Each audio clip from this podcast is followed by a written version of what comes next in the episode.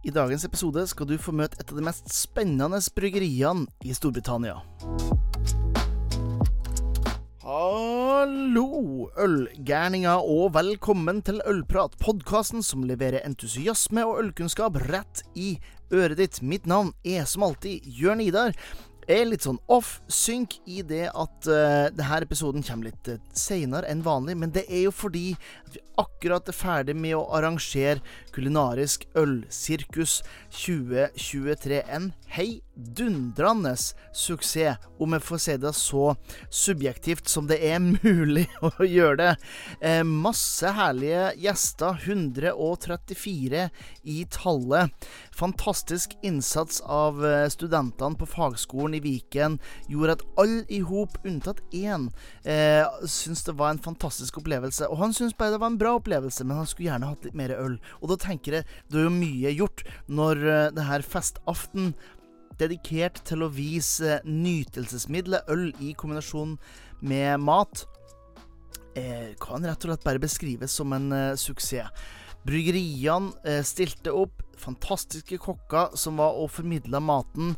Rett og slett et kjerneminne jeg skal ta med meg langt inn i framtida, og kanskje inspirere meg til noen nye spennende prosjekter. Men i hvert fall tusen, tusen takk til alle dere ølgærningene som var med. Setter virkelig pris på. Tenk at det flaug folk helt ifra Kirkenes for å være med på det her. Det kom folk fra Nesna, Bryne, Drammen og Lillestrøm til Grorud for å oppleve øl og mat i kombinasjon. Det er rett og slett helt rått, om jeg får si det sjøl.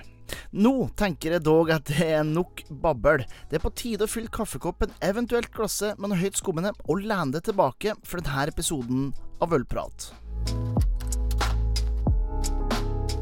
Da ønsker vi velkommen til Ølprat Steven Smithay fra Walt City Brewing. Hello, how are you doing? Doing well. How about yourself? Yeah, good, thank you. It's lovely to be uh, back in Oslo. Uh, third time in eight months, so I'm waiting for my passport in the post. Yeah.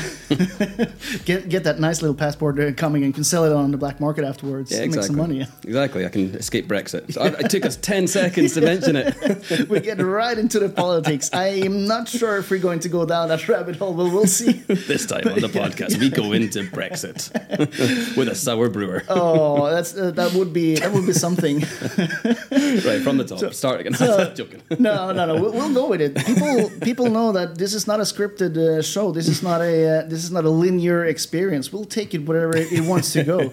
But I appreciate you taking the time. Uh, I know you have a busy day today, and you've been here like three times in eight months. You said first time was uh, was last um, spring. Yes, came the- over for the festival, Yeah. uh, Oslo Craft Beer Festival. Um, I think I was pouring on the stand for about 30 minutes and then walked off and drank a lot of beer. Yeah, It was great. it sounds like a like a good work day for you then. It's, uh, it's, it's sometimes there, there, there is perks with, uh, with with being in a brewery. Uh, sometimes. Yeah, sometimes. but let's let's get let's get to the, the nitty gritty of things then. Um, a little bit about your your your background, uh, because um, brewing has not always been your world.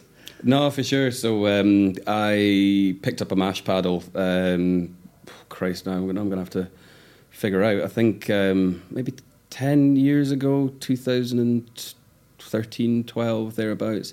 So I, I was um, I was an obsessed homebrewer. Um, my background's IT, so uh, I was often found on conference calls with uh, like a, a boiling pot of liquid in the background as I worked from home and, and made some beer. Um, picked up the first beer kit from a homebrew store when I lived down in Leeds. Um, it was a Woodforde's Wherry, uh, so a nice traditional cask Yeah. uh, bitter. Um, and by the time that had finished fermenting, two weeks, uh, I had another four on the go. So Yeah. you know, quickly got the bug. Um, and and to be honest, um, you know, I, I can't tell you what it is about brewing that is, you know, that, that, that interests me. My hobbies are a lot more sort of, you know, I like I like being out on my motorbike. I like being out in the in the outdoors. Um, brewing is a very boring process. Yeah. Um, you're And repetitive. and repetitive. yeah, you're you're adding ingredients. You're, you're you're it's like baking a cake for five hours without a cake at the end of it. You got to wait two weeks for the cake. Yeah. Um, and then if, if That's a if the good cake- analogy. if the cake doesn't taste good, you've got no fucking idea why. So- sorry, um, but yeah, it's um, you know, the, it really, really stuck with me, and um, got to a stage where um, you know the my flat had a, had a cellar underneath it, and it was just filled with uh, you know mixed fermentation project. I was brewing every weekend. My wife was hating me, uh, so we decided to turn it into a business, which is a great idea. So we, we got the, the, the, the kitchen registered as a brewery, um, which was a bit of a challenge. Um, we had to like your, like your, your private kitchen. yeah, so and I live in a flat as well, so Yeah. it's not like you know it's not a house with loads of space. And um, I remember once we were, you know, so it was a 400 liter kit that we had in the kitchen, and you know, that's that's a sizable. That is It's a lot is- of beer. That is a lot of beer. Um, I remember brewing a beer, um, and uh, it was through the boil process, and the neighbour stuck their, their head out the window and goes, uh, "What's that smell?" I was like, "Oh, I'm, I'm brewing a beer. Oh, I can really smell the fermentation." I was like. Not quite, but I appreciate it. So you know, and and it kind of just went from. Um, it was kind of it was it was an extension of a hobby at that stage. There wasn't any sort of grand ambition for, you know, it being anywhere close to, to, to where we are now. Um, it was very much a, I make too much beer to drink myself, Yeah. so I've got to put it somewhere. Um, can can we register the, the kitchen as a as a brewery? Yes, we can. No. Um, my spare room was registered as a customs and excise warehouse. Um, it's now my daughter's nursery. That's fantastic. So we had to display a, a notice on the door that said the official notice from uh, HMRC, the tax body in the UK, saying you know you're not allowed to bring alcohol or cigarettes in because they were duty paid and you couldn't go into my spare room with something duty paid. It's just crazy. Of course, that that notice stayed up at all times. Yeah, of You know, course. didn't come down the moment the inspectors leave. Um, and then the, the cellar was just packed out with fermenters and barrels. In fact, you know, there's still barrels of beer full. Um, my boiler's on the blink at the moment, and I have to climb over two barrels of Imperial Stout that are Yeah. still full uh, to, to get to, to the boiler to reset it. So, you know, the, the Vault City still does remain in the cellar. uh, they, they're, they've all gone infected, so they're now a mixed fermentations uh, Imperial Stout that nobody would want. But, but but this was a fantastic time to to start uh, homebrewing. I can imagine be, because this was, I would say, like light late 2000 start of 2010s Yeah. that was really the boom of new craft in the uk Yeah. um, but you started with the more classic cask uh, cask ale as your first one uh, Yep. uh, at, at least but uh, i can imagine this kind of quickly changed for yeah, you for sure. So, I mean, straight away, I tried to do clones of um, Innis & Gunn's rum barrel aged. Mm. Uh, don't know if you've, I don't know if you get that uh, much anymore, but uh, I really enjoyed that beer back then. Um, then I went through a phase of perfecting the grapefruit IPA. Remember the grapefruit IPA phase? no i don't I don't know if that maybe didn't hit Norway as, as, hit as much as it hit the UK, but grapefruit IPAs were, were huge. And then, you know, the big focus for me over the whole time when I really started started dialing it in with, you know, you're, you're starting with kegging and you're you're getting all the right equipment. Uh, when New England IPAs were, were sort of going coming along, and I remember trying to get hold of like Alchemist Heady Topper and Yeah. all that kind of stuff. And then when Treehouse came along, you were like, "Wow, I really want to try this." Like, you know, what's what's juicy? Yeah. Like, I want my beers to be juicy. What does juicy taste like? so, like, you know, trying to famous juicy taste yeah, yeah. so going through all of the like yeasts and you know trying various different yeast combinations and your dry hopping techniques and the the malt bill, the water profiles, it all just hugely interested me. Like reading the the water book, um, you know the you know your water malt hops yeast and actually enjoying reading it is, Yeah. is is something that not many people can say. I don't think I actually enjoyed it. I'm lying, but it, it was interesting and it, it gives you an insight. And you know it's funny because when it came to Vault City starting up, it was I was probably brewing seventy percent New England IPAs and thirty percent Uh-huh. sours. So my focus was on I, uh, New England's, and that's probably still what I drink the most. Mm. Um, you know, shocking revelation that the sour brewer doesn't drink too much Breaking sour. news. Yeah, I still drink a lot of our own stuff, but um, more more focus on on an IPA. But um, the um, we looked at looked at the market and went, well, look, if this is going to stand a chance of success, we've already got exceptional beers coming out from from Cloudwater, from Verdant, from Deya. Like these guys are nailing the the, the, the IPAs. Um, why go into such a contested market where all you're going to do is be as good as these guys? always Um, compared to Exactly. Like, oh yeah, these guys are, are the new Cloudwater, the new Verdant. It's like, well, let's do something a bit different. Yeah. Sours are underrepresented, in my, in my opinion, and um, or they were, um, and to have someone that can focus on sours and not have to worry about the cross infection of the way that we do things um, would mean that we'd have to go full full focus on sours, Full sours. which which we did. And I think that's a little bit interesting as well, uh, uh, because there are breweries that do all sours, but mainly the older breweries, Yeah. like the Boons, the Lambics, the, the- Totally. so the, it's it's something it's something quite new, and, and we talked about it before I started recording. This is where I think that for me at least that that Vault is really. Uh, being unique is because you you you decided on going on one niche and one niche only because uh, I don't want to put anyone under the bus, but 95% of the craft beer industry is usually a variety of styles. um, so, at, at what point did your, your wife say that uh, enough is enough? Get out of the kitchen. Uh, you need to take this sour stuff somewhere else. I think when she saw the plans for the brewery in the kitchen, she Yeah. said enough is enough.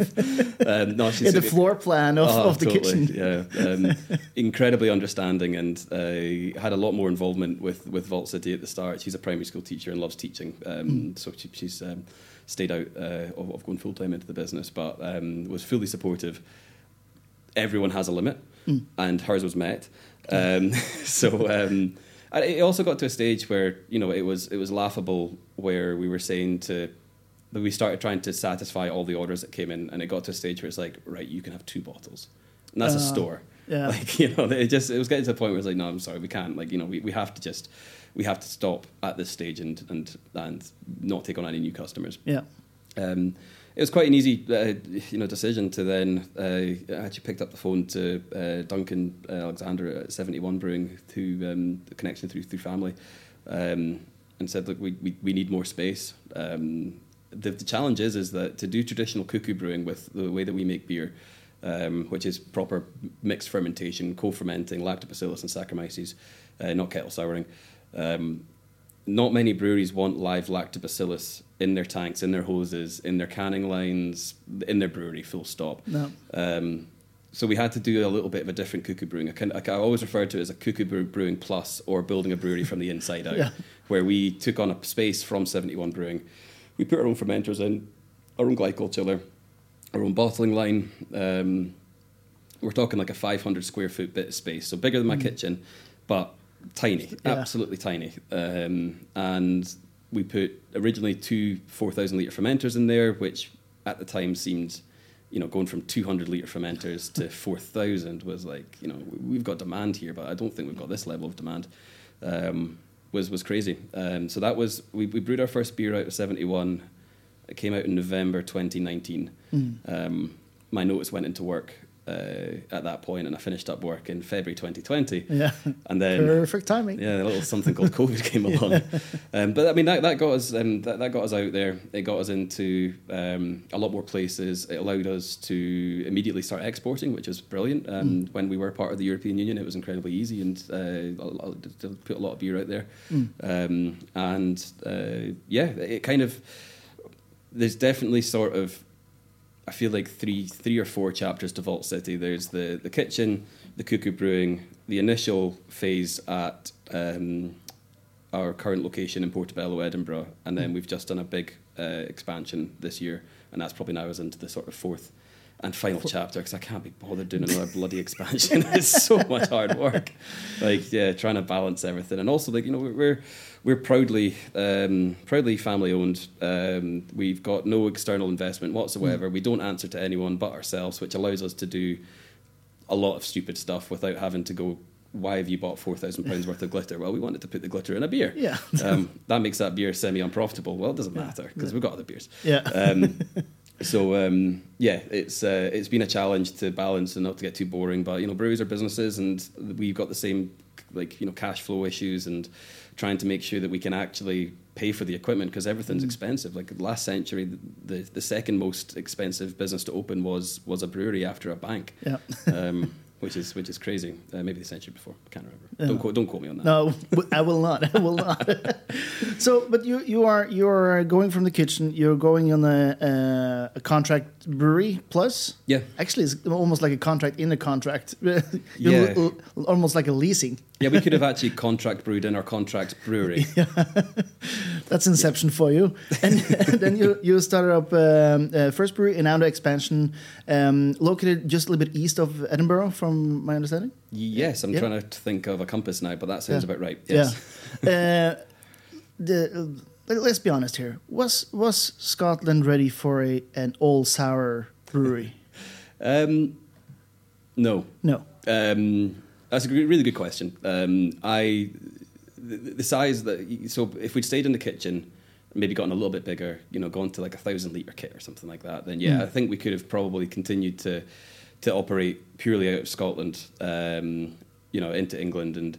But without um, having access to, to export markets now, um, a lot more challenging, but still happens. Um, yeah, it's it, it- it's it's a big sour. It's a big brewery to have purely sour. Yeah. Like I keep expecting to get to the point, and and there is like you know there, there will be a time where Vault City comes out with an IPA Yep. on, on a pale ale on the regular. We are actually planning an IPA. That's uh, that's breaking news. Yeah. uh, well, we collaboration, but um, the, we've never had the space to be able to look at right. Let's do a core range pale ale because I, I like drinking pale ales. I drink Mm. Yeah. like drinking lagers. Like you know, it's what I'd mostly drink.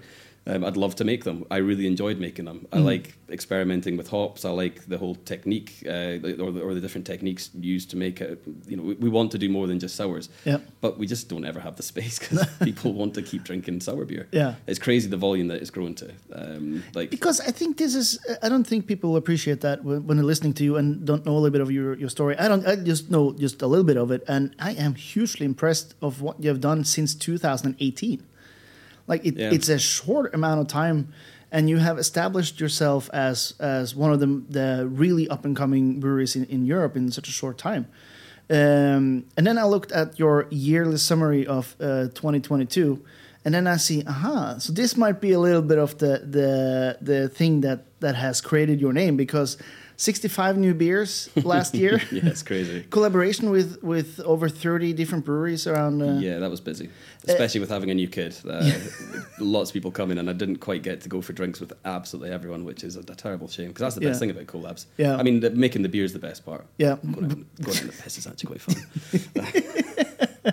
Yeah, but uh, we, we, we talked a little bit about it uh, before I started recording here as well. That uh, beer is hugely personal, and I I like that many collaborations. I, I can't imagine you're doing it only for the huge amount of uh, um, uh, profits you get out of making beers that are hugely extreme with uh, glitters and whatever expensive things. It's, mostly about the the people. Yeah, the connection. Yeah. totally. So, so 60 new beers in one year.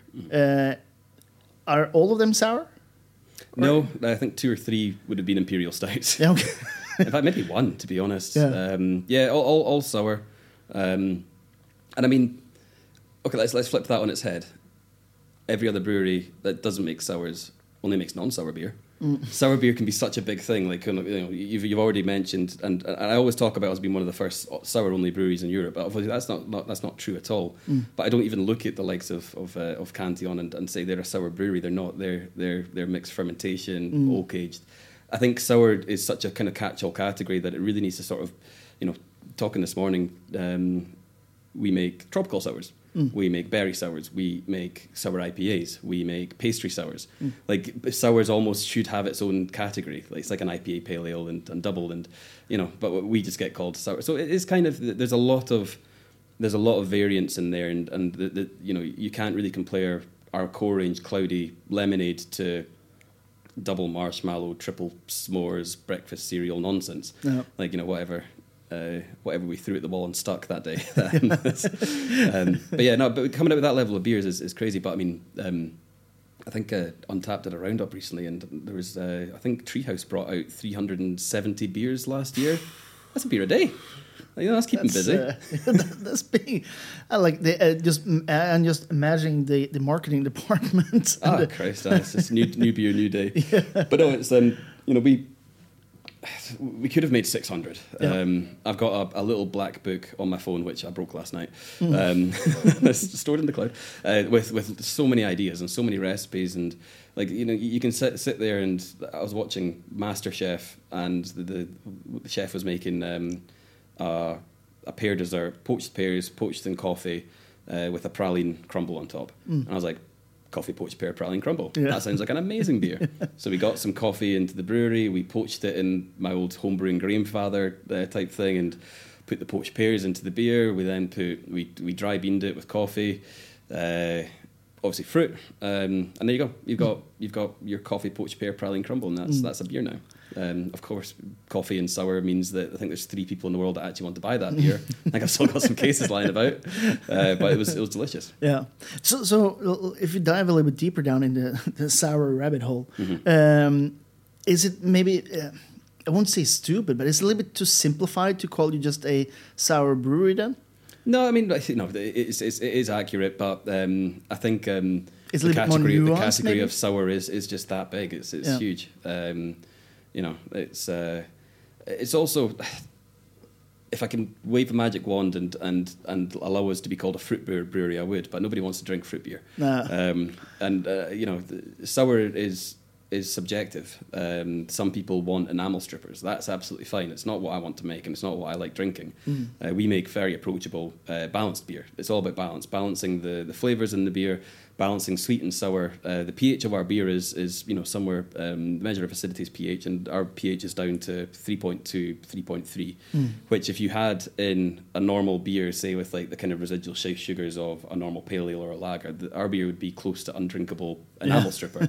But it's all about balancing it then with residual sugars and mashing high and making sure that we've got a, a residual sugar content in, in the beer.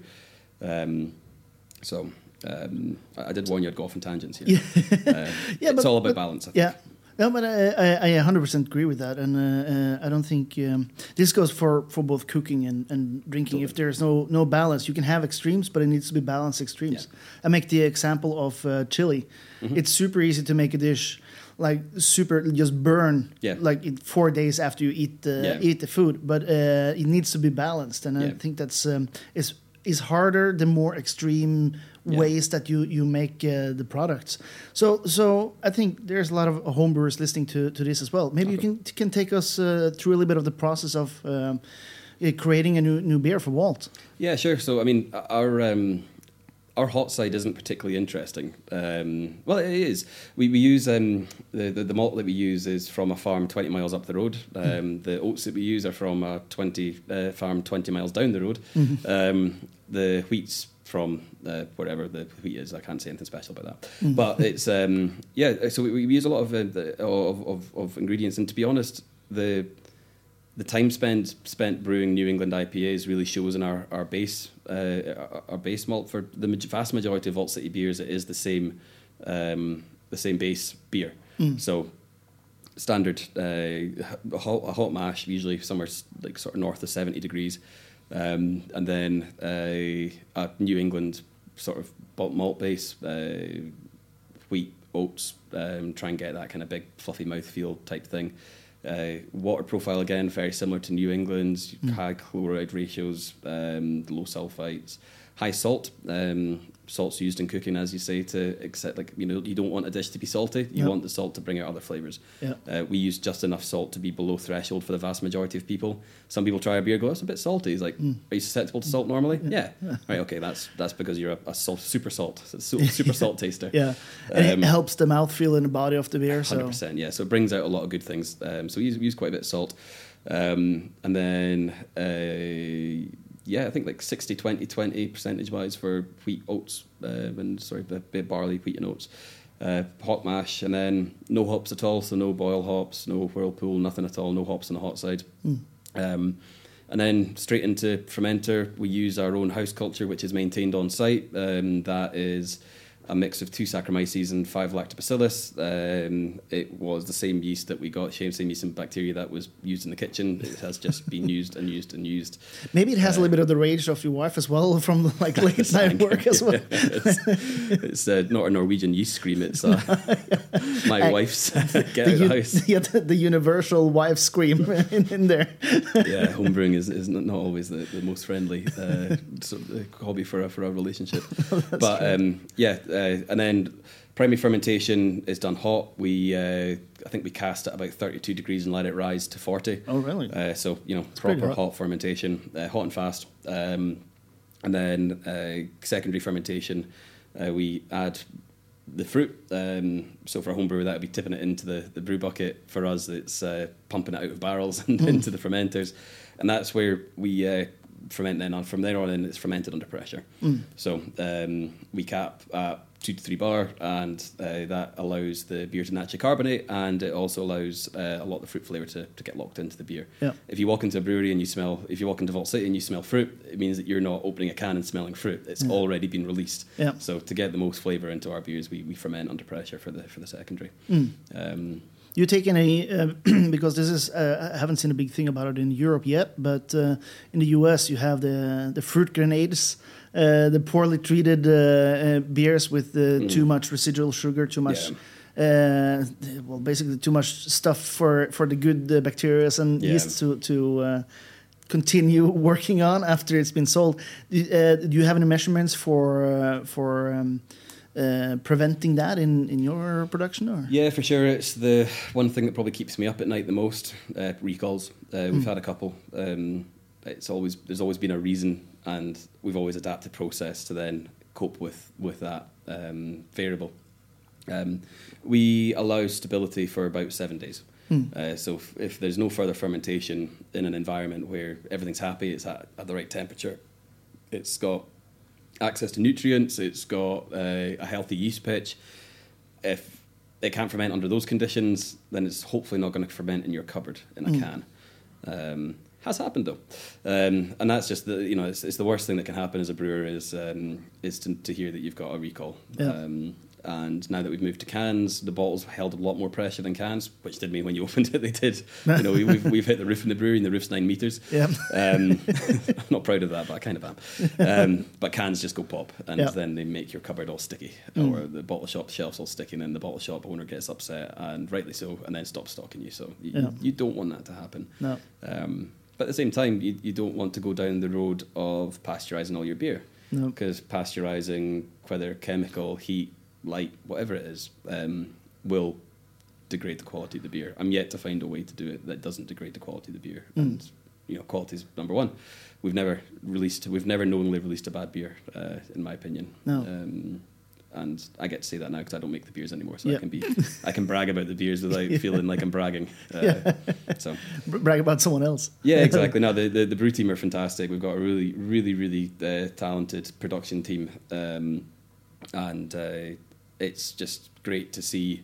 You know, we, we do try and treat people really well. We do the four day working week. We're the first brewery in the UK to do Yeah, that. Yeah, that's true. I saw that. Yeah, and you know, So just to, to explain that for for the, the audience, it's a four day uh, work week, but uh, still a, a full time salary. Yeah, yeah, for sure. So Hmm. um, it works out to about 36 hours over the course of the week. So Hmm. the, the day was extended by about an hour uh, when we moved to it. Um, it comes with its challenges. There probably will be a time when we have two shifts. So a Monday to Thursday crew and a Thursday to Sunday crew, maybe, you know. That's just, if, if, any, if anyone's listening from Vault City, that might not happen, so don't worry.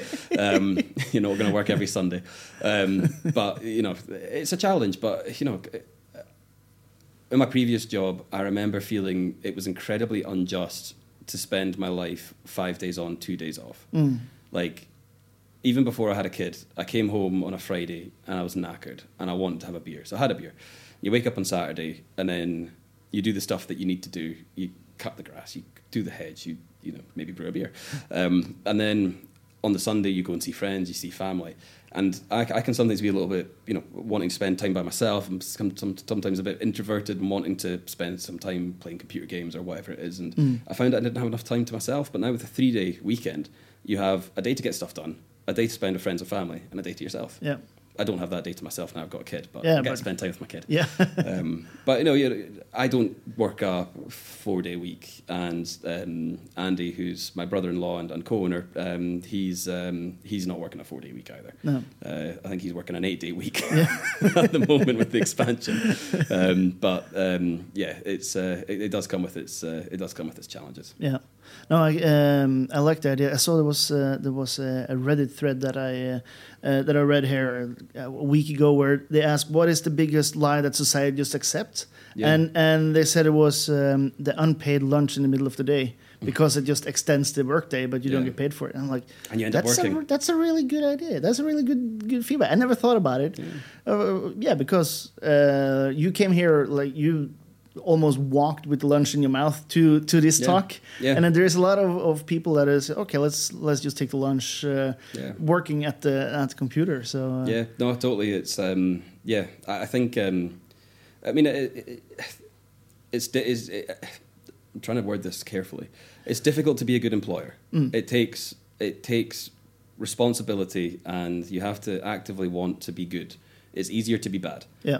I- don't know Oh, if that ref- I, I don't I don't know if that reflects on me badly, but I, I think that's the truth. Um, it's, it's easy to take advantage of people, and like you know, we could, you know, we're, we're now coming into our fourth year, and, and we're still not profitable, um, which comes with its challenges when we don't have any backing to give us money when things go bad.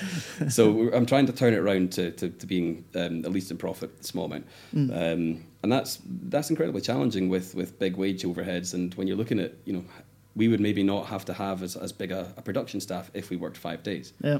Um, but we're not going to do that because we want to be good to people. And I actually think we get more out of everyone um, by being good to them than we would have 100%. otherwise. 'Cause I think people work, you know, at that 100% level four days rather than working at 70, 80% for five. Yeah, Um, I agree. So, and they come back on a Monday like refreshed and, you know, what did you do the weekend? I'm like, oh, well, went, went away in my camper van for, for three days. I went to Skye. Like, you wouldn't be able to do that with a two day weekend, No. you know. So it's nice to hear. It's really nice to hear. Mm.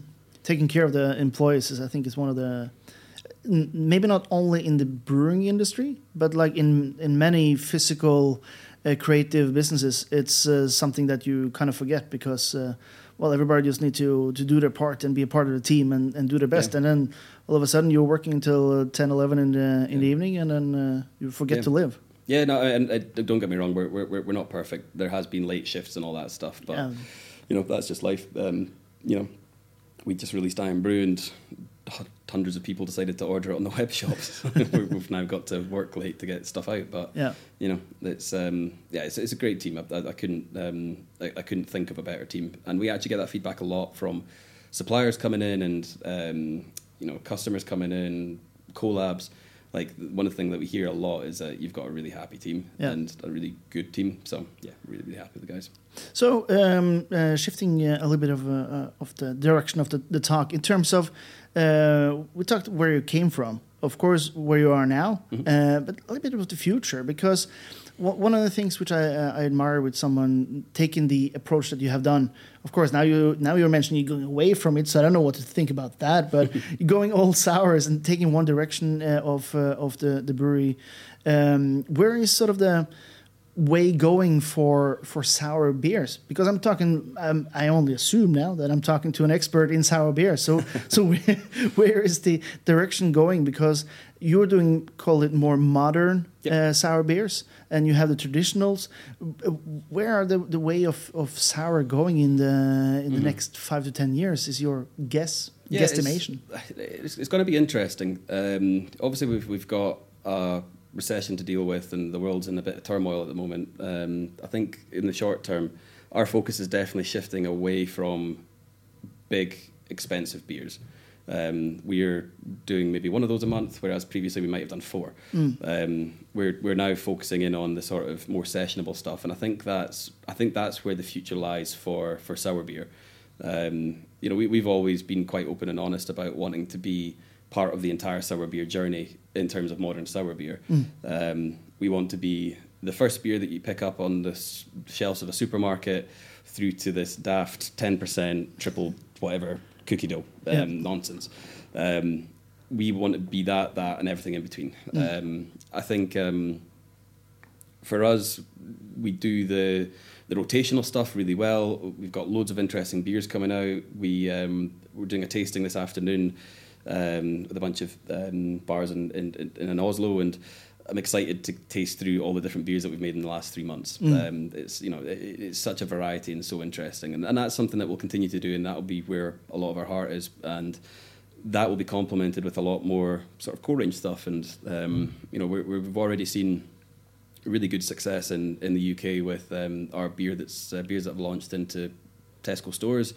So we're now in 800 Tesco stores up and down the UK with the sour beer. Uh, you know, a, a It's got to be the, one of the first sour beers to have regular on stock. It's crazy. Like you know, if you told me three years ago that there would be uh, um, a kind of thick smoothie sour uh, beer on the shelves of Tesco for three pound fifty, I would have told you that you're mad. Yeah. Uh, if you then told me that it would be one of Vault City's, I'd say you're just you know you're, you've really lost it now. Um, And just to, so the uh, people not uh, familiar with Tesco, it's a little bit like uh, Rema 1000 here in Norway. So it's not the it's not the, the premium store. It's still a good good selection. Yeah, and, so uh, I'd say reasonable price. yeah, middle middle road premium. Uh, you've got your, your your Uber premium stores that uh, I don't know how people can afford to, to shop in, but um, yeah, we're uh, so we, we, we we've done well with, with, with Tesco and we've launched into Morrisons last last year, and we've got a couple more supermarkets about to join the ranks um, in a couple of months' time. So it's it's good to sort of see, you know, we we we, really like doing the supermarket piece. Um, it's where I first picked up my first bottle of Punk IPA Yeah. you know, picked up Innis & Gunn. Like, you know, that's what started my journey into beer. And I think it starts the vast majority of people's journey into beer. Yeah. Um, I think you're right. and then you try through the stuff that's in supermarkets. Back in my day, it, back in my day, um, didn't have any of the near the selection that you damn kids have. um, but no, it's uh, you, you, we. The, I then went into the the bottle shop um, nearby, and then started buying a lot of, of that beer. So it's, it's all part of the journey. Um, and I think sour beer traditionally has been the end of your journey. You, you pick up a Yeah. pale ale, then you go to an IPA, and then you start maybe drinking stouts, and then you go, oh Christ, what saison? That sounds interesting. And then you're like, oh, Flemish brown. What is yeah, what is? Duchesse. Yeah. This, this sounds approachable. Yeah. Um, why does this taste like salad dressing?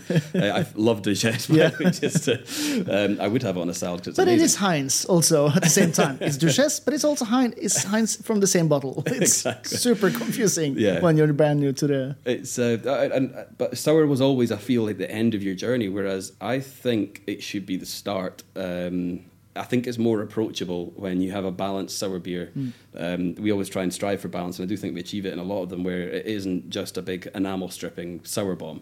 Some people do want that, and that's fine, but that's not what we're about. Um, we want approachability and we want the ingredients that we use to shine. So if you like strawberries and cream, then you will probably like strawberry sundae. Yep. if you like mangoes, then you will probably like triple fruited mango because guess what? It tastes like the fruit that we put into it, and we put a lot of fruit into it. Like you know, we're our fruiting levels have gone up to 999 grams a liter, which is the legal maximum. Um, we usually hover around about two to 300 grams a liter.